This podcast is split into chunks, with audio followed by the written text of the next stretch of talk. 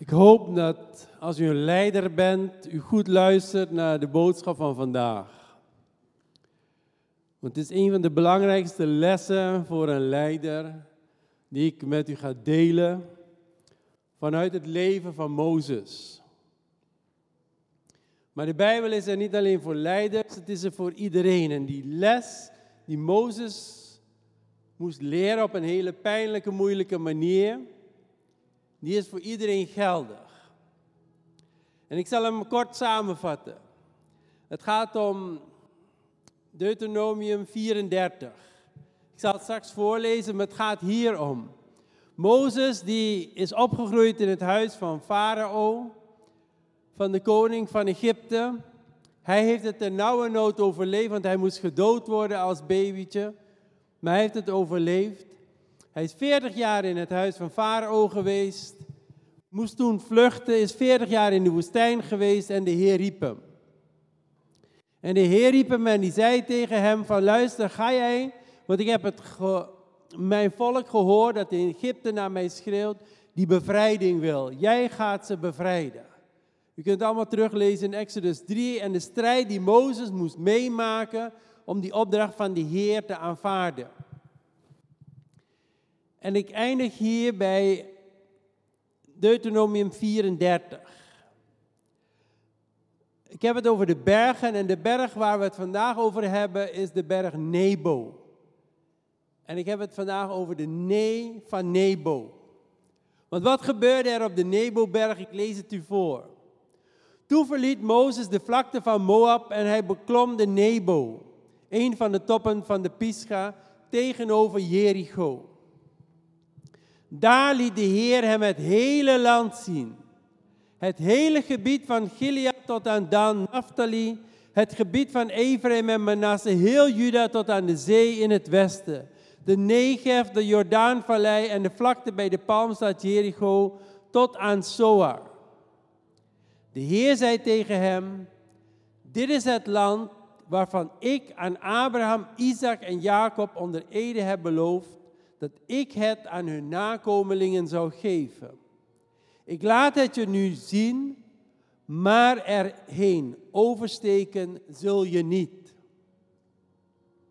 En waarom is dit de les van de nee van Nebo? Want dit gaat terug naar de ervaring in het leven van Mozes, opgeschreven in Numeri, waarop, waar hij iets moest doen voor de Heer, maar het niet deed zoals de Heer het van hem vroeg. En daar heeft de Heer gezegd tegen Mozes en Aaron in nummer 20, vers 12. Omdat jullie niet op mij vertrouwd hebben en in het bijzijn van de Israëlieten geen ontzag hebben getoond voor mijn heiligheid, zullen jullie dit volk niet in het land brengen dat ik het geef. Dus ik wil even deze les bij u binnenbrengen zodat u die kan vermijden. Het gaat erom, de Heer heeft Mozes geroepen om het volk in het land van Israël te brengen. In het land dat God heeft beloofd, niet aan Mozes, maar aan Abraham en aan Isaac en aan Jacob en aan al die nageslachten. En die belofte heeft hij aan de Heer, de Heer aan Mozes gegeven. Jij gaat het nu doen met dit volk. Maar uiteindelijk, ik kom zo nog even aan de structuur van dat verhaal, staat Mozes daar op de Nebo, ziet uit over het hele land, aan alle kanten, en hij mag er niet in. Waar is het misgegaan? God heeft jou geroepen om het volk daar te brengen, maar jij gaat er niet in. En dat is de nee van Nebo. En die nee van Nebo heeft niet te maken met het volk. Heeft niet te maken met de tegenstanders. Heeft niet te maken met iets anders dan Mozes zelf. En Mozes en Aaron dan. En waarom was Aaron erbij? Want Mozes had vanaf het begin singulier de opdracht om het volk uit te leiden. Maar Mozes zei van, Heer, ik kan het niet. Ik heb een spraakgebrek. Ik heb iemand nodig die voor mij kan spreken. Dus God vertrouwt je iets toe. En jij vertrouwt jezelf niet. Let op, hè. God vertrouwt jou iets toe en jij vertrouwt jezelf niet. Het gaat vandaag om het vertrouwen in de Heer. En als God jou iets toevertrouwt, vertrouw dan jezelf. Maar goed, Mozes hield vol naar de Heer toe. Ik kan het niet, ik kan het niet, ik heb iemand nodig. Dan kan ik het wel. En de Heer zegt, oké, ja, Aaron mag erbij. En Aaron gaat hem helpen al die tijd. Maar Aaron die kan heel positief in je leven werken, maar ook heel negatief. In die hele tijd dat Mozes met Aaron optrok, is er een moment geweest dat en Aaron, de broer van Mozes, en de zus van Mozes tegen Mozes in opstand kwamen. Let op, als je iemand erbij haalt, het kan goed werken, maar er kan ook iets negatiefs komen. Maar als God jou volledig vertrouwt, ga er dan volledig voor. Maar ik hoop dat u probeert te begrijpen waarom die nee van Nebo iets is wat Mozes zelf heeft veroorzaakt in zijn leiderschap. De nee van Nebo heeft Mozes zelf veroorzaakt. Die nee van Nebo is, God heeft je een taak gegeven, je ziet uit over het hele land, je mag erin, maar jij mag er niet in. Het volk gaat erin, maar jij mag er niet in. En als u nummer doorleest als Bijbelboek, gaat u zien hoe moeilijk het leven van Mozes was. Want Mozes heeft het volk gehaald uit Egypte, heeft ze gebracht tot aan Kadesh, heeft dan verspieders gestuurd in het land en die verspieders zien dat het een goed land is, een land van melk en honing zoals ze zeggen. Maar van die twaalf verspieders waren maar twee die vertrouwden dat ze het land konden innemen. En tien die bang waren om erin te gaan. Want ze vertrouwden zichzelf minder dan dat ze God vertrouwden. En ze kregen het volk zo ver om vlak voordat ze het land ingingen terug te gaan. Jozua, een van de verspieders, zei: Nee, wij kunnen het land innemen. Nadat, in, dat is in nummer 13, daarna komt er op een gegeven moment een moment dat Israël te weinig water heeft. En je kan te weinig brood hebben, maar je kan in, niet lang zonder water. En dan gaat Israël tegen Mozes en Aaron zeggen: Waarom hebben jullie ons helemaal uit Egypte hier naartoe gebracht om te sterven in de woestijn? Dus ik zeg niet dat Mozes niet makkelijk had, maar waarom hebben jullie dat gedaan? En elke keer als Mozes met een waarom vraag of wat vraag of wat voor vraag dan ook te maken had, was zijn structuur, ik ga vanuit de problemen die ik heb, ga ik niet in allereerst met Aaron in gesprek of met mijn zus of met de oudste. Ik ga met God in gesprek en die geeft mij een antwoord. En God gaf hem een antwoord.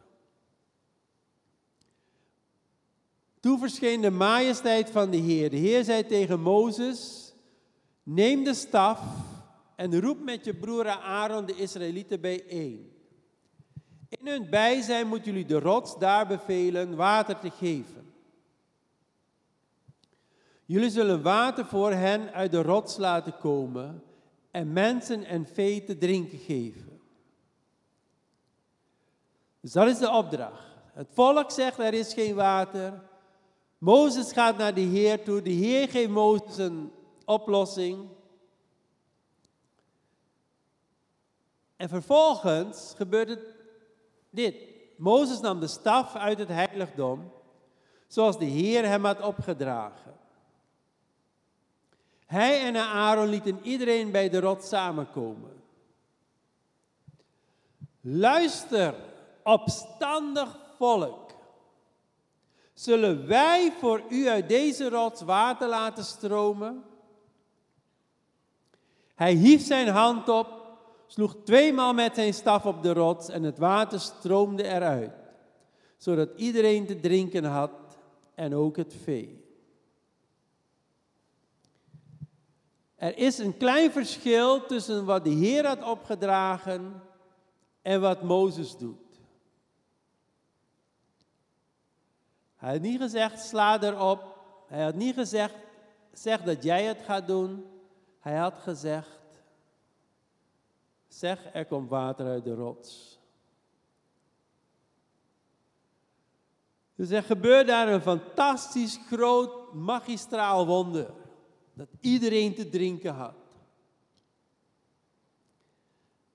En dan komt nog een kleine leiderschapsevaluatie van de Heer.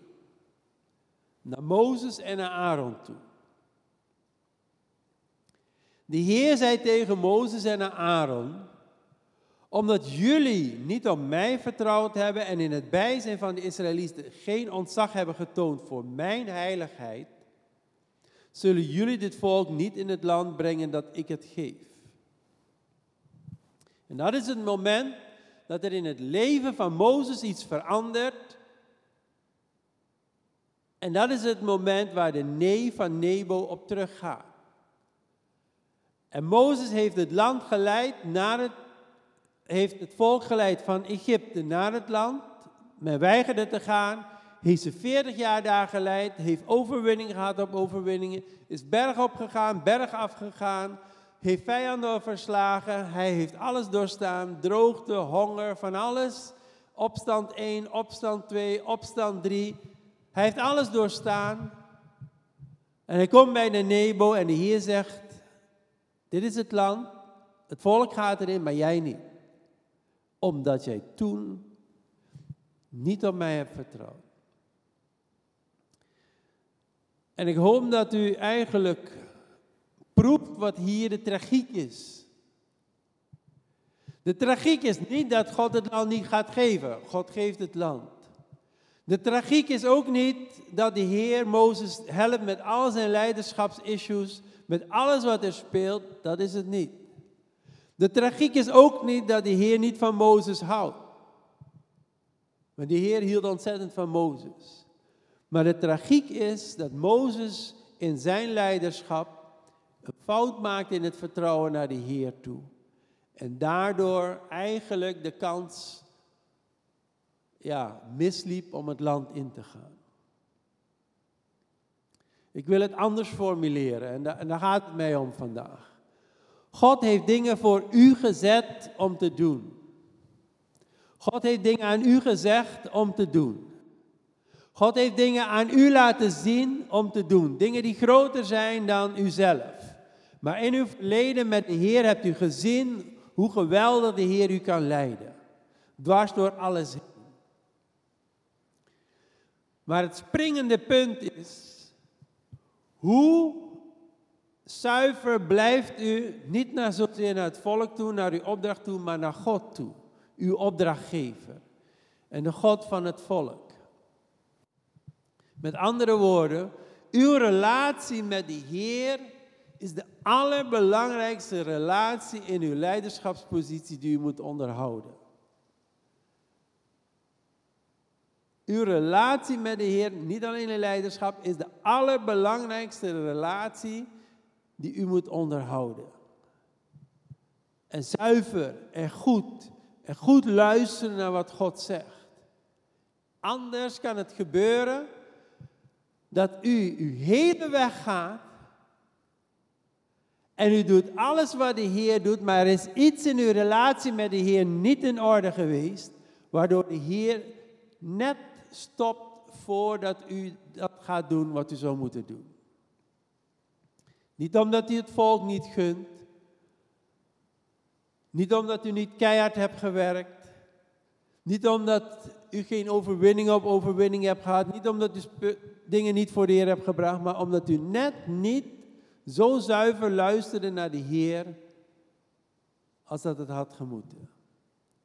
Het verwijt van de Heer is omdat jullie niet op mij vertrouwd hebben en in het bijzijn van de Israëlieten geen ontzag hebben getoond voor mijn heiligheid. Dat is het verwijt van de Heer.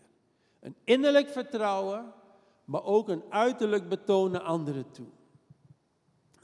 even tussendoor, dit brengt mij op het punt dat we soms op de Heer vertrouwen, maar als we tegen anderen verwoorden, dan zeggen we het anders. Ik zal het doen.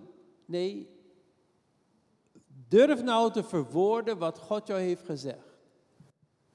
God heeft jou gezegd, start deze taak en het zal lukken. En durf nou met de, tegen de mensen die meedoen te zeggen, God heeft het mij opgedragen. Met zijn hulp zullen wij het voltooien. En als je in dat persoonlijk gesprek met de Heer bent en de Heer geeft jou iets en je gaat vol vertrouwen, je weet dat dat de oplossing is. Maar je zegt in wat je zegt, let op hè, zullen wij, Aaron en ik, zullen Aaron en ik het voor jullie oplossen? Dat is een heel belangrijk springend punt. God doet iets, maar jij eigent het je toe.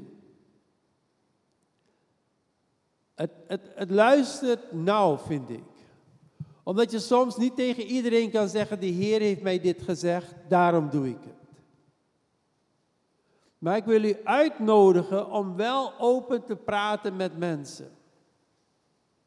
En als God u iets heeft laten zien en God u iets heeft gegeven, dat u het ook met hun deelt. God heeft het me laten zien, God heeft het me gegeven. Want dan gebeurt er iets anders. Het is niet meer u en de ander, maar u, de ander en de Heer. En dan gebeurt er iets veel sterkers, iets mooiers, iets krachtigers. En ik kan heel lang hierbij stilstaan waarom Mozes dan het land niet in mag gaan, maar God beslist en op een gegeven moment zal je daarmee moeten dealen. Of je mee eens bent of niet. David was een man naar Gods hart. Hij had het volk van Israël op machtige manier geleid. Hij had overwinning op overwinning geboekt. Hij had één ding in zijn hart. Uit zijn liefde voor God zei hij van het kan niet zo zijn dat er hier een tabernakel is en dat er geen tempel is. Ik wil een tempel voor de Heer bouwen. En God zegt tegen David, het is prima. Maar jij gaat die tempel niet bouwen. Je hebt te veel bloed aan je handen. Jouw zoon Salomo zal die tempel bouwen. En soms, als jij als leider iets hebt gedaan waardoor je gedisqualificeerd wordt voor een onderdeel of voor iets, dan kan je boos worden op de Heer of je kan de houding van David aannemen.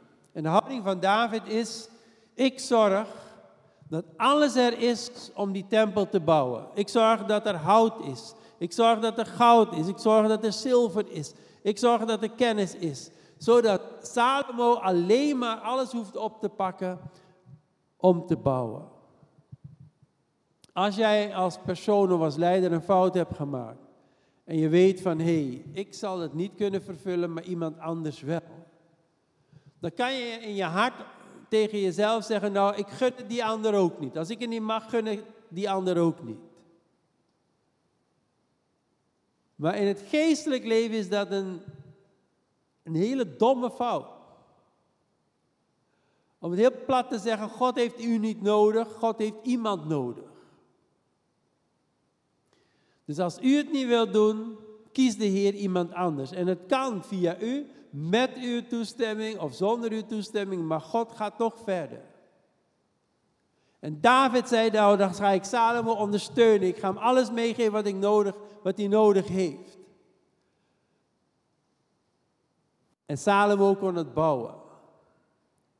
Ik wil u eigenlijk vragen om in uw geestelijk leven terug te gaan naar momenten van vertrouwen op de Heer waar u niet volledig hebt gedaan wat de Heer van u vroeg. Waar u niet zuiver bent geweest daarin. Waarin u een fout hebt gemaakt en naar de Heer toe te gaan en zeggen, Heer, daar en daar was ik verkeerd bezig. Leg het aan de Heer voor, breng het voor de Heer. Zorg dat het weg is.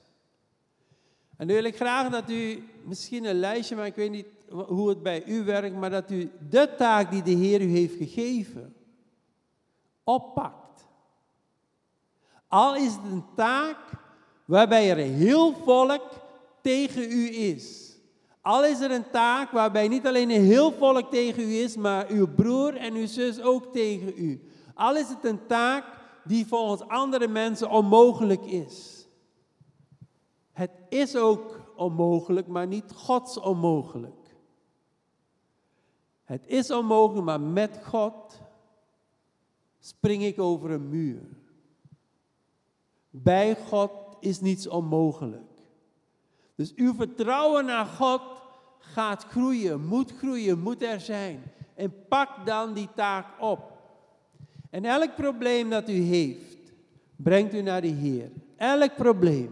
Het maakt niet uit hoe groot, hoe klein. Soms brengen de grote problemen voor de Heer, maar we brengen de kleine problemen niet voor de Heer. Breng alles voor de Heer. En Hij geeft het naar Aaron. Hij geeft mensen om u te helpen. Maar zeg wel aan de anderen, dit is wat de Heer mij geeft. Dit is van de Heer. Deel dat het van de Heer is. Weet u, Mozes mocht het land niet ingaan, maar dat betekende niet dat het land niet werd ingenomen. Ik lees uit Jozua. Want de Heer had al een opvolger, namelijk Jozua, de rechterhand van Mozes. En Jozua was de grootste generaal van Israël en die was bereid om alles te doen voor Mozes.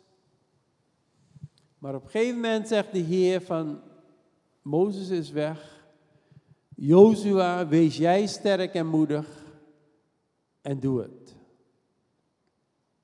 Misschien hebt u onder leiderschap van iemand gezeten die iets moest doen, maar die het niet deed. En dat de Heer u nu roept en zegt, nu ga jij het doen. En dat je denkt, ja, maar ik ben geen Mozes. Ik ben geen David. Ja, maar u bent wel een Jozua. Of u bent een Salomo. En God gebruikt de volgende generatie en de volgende generatie en de volgende generatie. Maar zorg dat u trouw bent in wat u doet.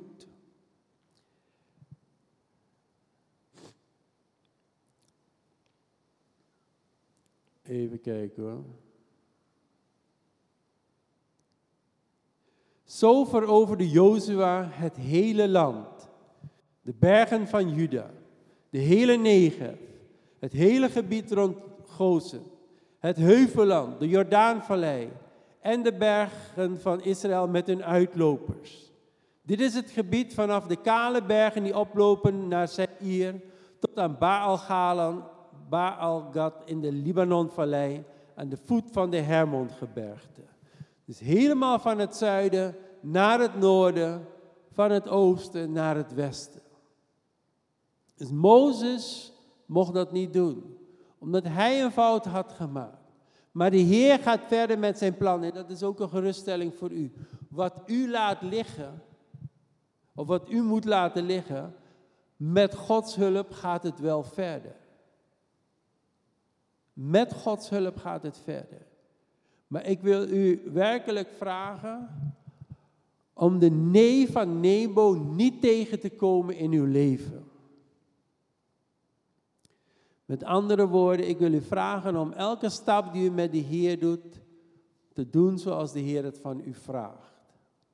En als de Heer tegen u zegt, jij kan het land innemen, vertrouw de Heer niet alleen voor het innemen van het land, maar voor elke stap daartussenin. En blijf zuiver in die relatie van de Heer. We gaan zo bidden, maar ik wil u even vragen om even naar uzelf te kijken. Zijn er dingen in uw leven waarvan u weet dat de Heer tegen u heeft gezegd, ga dat doen, of je mag dat doen, of pak dat op, of geef leiderschap daarin. En waarbij u eigenlijk dat wel wilt doen, maar niet helemaal goed daarmee bezig bent. Zorg dan dat u dat weer op de rit krijgt. Ga het doen. En als u het niet kunt doen, geef het aan iemand anders. Ondersteun iemand anders. Want het werk van God gaat door met of zonder u. Maar zorg dat u zuiver bent in uw relatie met de Heer. Wat u ook doet, hoe klein of hoe groot het ook is. Zullen we gaan staan?